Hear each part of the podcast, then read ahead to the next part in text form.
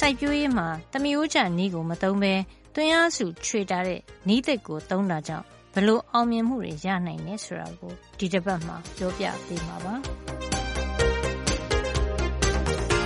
လွန်ခဲ့တဲ့နှစ်ပေါင်း90ကျော်ကစိုက်ပျိုးရေးနဲ့နာမည်ကြီးခဲ့တဲ့မြန်မာနိုင်ငံဟာ2012ခုနှစ်မှာကမ္ဘာ့ဘဏ်ရဲ့ဖွံ့ဖြိုးရေးအညွှန်းအရအာရှတိုက်မှာစိုက်ပျိုးရေးနဲ့ဝင်ငွေကောင်းကောင်းမရတဲ့နိုင်ငံစာရင်းထဲမှာပါနေပါပြီ။ တောင်သူလယ်သမားဦးရေ သုံးပုံနှစ်ပုံရှိတဲ့ မြန်မာနိုင်ငံမှာ စိုက်ပျိုးတာကရတဲ့ တဦးချင်းဖြန့်မြတ်ဝင်ငွေက တနှစ်ကို ဒေါ်လာ200လောက်ပဲရှိပြီး လယ်ယာထွက်ကုန်ပမာဏကလည်း နည်းတာမို့ စားနပ်ရိက္ခာ မဖူလုံကြဘဲ ဆင်းရဲတွင်းနက်နေတယ်လို့2013မြန်မာနိုင်ငံရဲ့ စိုက်ပျိုးရေးနဲ့ စားနပ်ရိက္ခာဆိုင်ရာ စာတမ်းမှာ ဖော်ပြထားပါတယ်။ဒီစာတမ်းကို မီရှီဂန်တက္ကသိုလ်နဲ့ MDRI မြန်မာဖွံ့ဖြိုးတိုးတက်ရေး အရင်းမြစ် အဖွဲ့အစည်းတို့ကနေရေးသားခဲ့တာပါ။ ဆန်ထွက်တဲ့နိုင်ငံမို့ စားစရာဆန်ရှိပေမယ့် ဆင်းရဲတဲ့ အိမ်ထောင်စုတွေဟာ သူတို့ဝင်ငွေရဲ့ ၇၀%ကို အစားအသောက်အတွက် သုံးနေရတာပါ။ဒီဆင်းရဲတွင်းနက်နေတဲ့ တောင်သူလယ်သမားတွေအတွက် ခေတ်မီနည်းပညာတွေကို ဖြန့်ဝေပေးပြီး အကူအညီတွေ ပေးနိုင်တယ်လို့ မြန်မာနိုင်ငံဆန်စပါးအသင်းက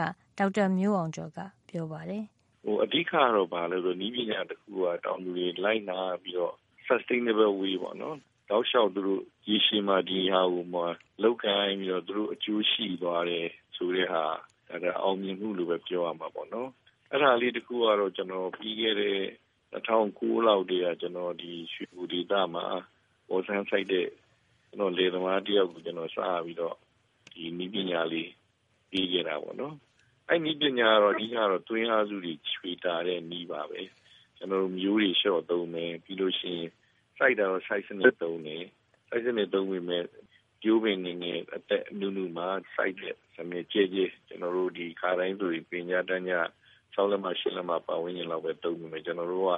၁၀လက်မ၁၂လက်မပတ်ဝန်းကျင်လောက်ပင်ကြားတန်းကြားတွေထားတဲ့အခါကျတော့အကျယ်ကြီးပေါ့နော်။ဒီလိုနည်းစနစ်အသစ်နဲ့စိုက်တာကြောင့်ဘယ်လိုအကျိုးရှိစေပါသလဲ။အဲဒီအခါကျတော့ပျိုးပင်လိုအပ်ချက်ကနည်းတယ်။ပျိုးပင်ကိုကျဲကျဲထားတော့အပင်ရဲ့အာဟာရလိုအပ်ချက်တွေနည်းတယ်။ အဲဒီအခါကျသွင်းအားစုတွေပါလျော့တယ်ပေါ့နော်။နောက်တခုကဘာလဲဆိုတော့ကောက်စိုက်တဲ့စနစ်ဆိုပေမယ့်သူကဘယ်လိုခေါ်မလဲကောက်စိုက်သမားအနေနဲ့တဧက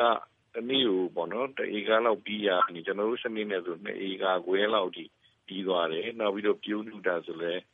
တက်တာတော့ပြုံးနှုတ်သားတွေရဲ့ကုန်ကြစည်တွေပါတက်တာအဲ့လိုပေါ့သွေးအားစုတွေရောလုံအားတွေရောကျွန်တော်တို့အကုန်ချွေထားတဲ့စနစ်တွေနဲ့ကူညီလိုက်တဲ့အခါမှာ အဲ့ဒေသမှာတော်တော်များများမျိုးသုံးဆွဲမှုတွေရညော့နေသွားတယ်ဒီရွှေဘိုဒေသတစ်ခုလုံးအဲဟိုကျွန်တော်တို့ပြောစကားနားထောင်တဲ့လူတွေဆိုရင်တတိကမှာမျိုးစပါးလူအပ်ချက်က၄ပြည်ပတ်ဝန်းကျင်လောက်ပဲလူတော့တယ်တချို့ကြတော့လေနည်းစိတ်မချတော့ခက်ကြမ်းကြမ်းလေး6ပြည်9ပြည်10ပြည်သုံးကြတယ်ဘာပဲပြောပြောသူတို့ခါတိုင်းသုံးနေတာတတင်းခွဲနှစ်တင်းခွဲသုံးနေအဲ့လိုစပြီးတော့သုံးနေကြတဲ့အခြေအနေကနေပြီးတော့အများကြီးရော့သွားတော့ပေါ့နော်တစ်ဖက်ကမျိုးသုံးဆွဲမှုရော့လေသူတို့အတွက်စားဖို့ကြံလေ နောက်စနစ်ကျစိုက်တဲ့အခါကျတော့စနစ်တီးတီးချာချာထွက်တဲ့အခါကျတော့အကျိုးရှိတယ်နောက်စိုက်တဲ့အပင်ကလည်းဈေးကောင်းရတဲ့အပင်ဖြစ်တဲ့အတွက်ကြောင့်မလို့ဒီစဘာမျိုးကြောင့်သူတို့လူမှုဘဝတွေအများကြီးတိုးတက်သွားတာလေးကျွန်တော်တွေ့ခဲ့ရတယ်ပေါ့နော်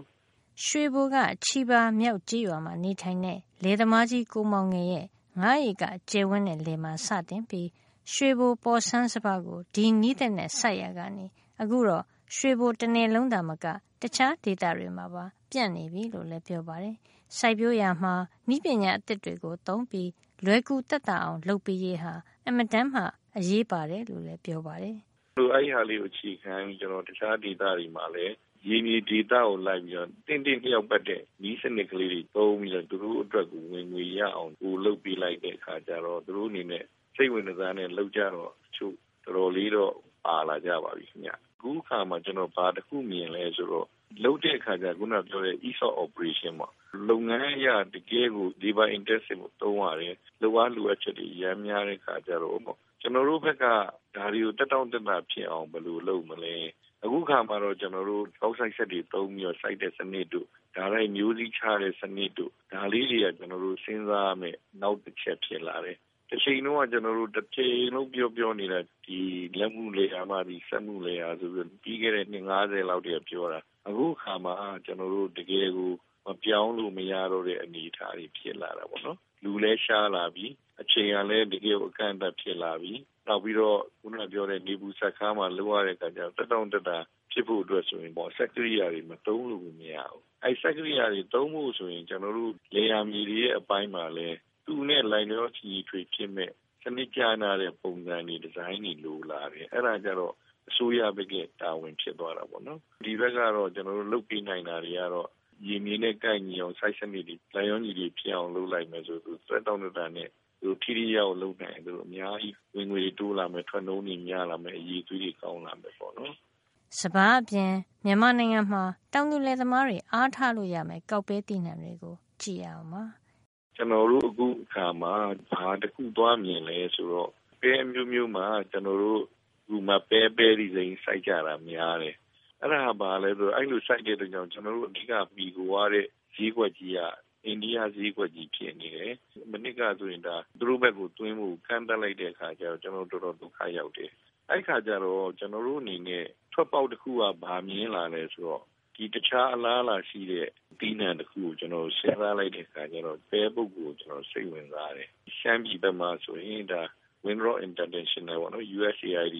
အစီအစဉ်နဲ့ Facebook valuation နဲ့ပတ်သက်ပြီးတော့လုပ်ကြတဲ့အခါကျကျွန်တော်လည်းကျွန်တော်ဒီအချောက်ခံသက်တွေနဲ့ပတ်သက်လို့ကျွန်တော်ကူညီခဲ့တယ်သူတို့ဒီဆိုင်ရေးပြိုးကြီးမှာပေါ်လာတဲ့အချိန်မှာမိုးရင်းဖြစ်နေတော့အဲ့ပဲဘုတ်တွေပြည့်စည်တဲ့ဟာကိုကျွန်တော်တို့ဒီအထောက်ခံသက်တွေနဲ့ရေသွေးကောင်းအောင်လုပ်ကြတာပေါ့နော်အဲ့မှာ အဲ့ Winrod International မှာရှိတဲ့ပဲဘုတ်ကိုဒီချာချာစိတ်ဝင်စားနဲ့လုပ်တဲ့ဟိုအရာရှိတွေလည်းကျွန်တော်တွေ့ကြရတယ်သူတို့ဆိုရင်တော့အခုတော်တော်ကြိုးကြိုးစားစားနဲ့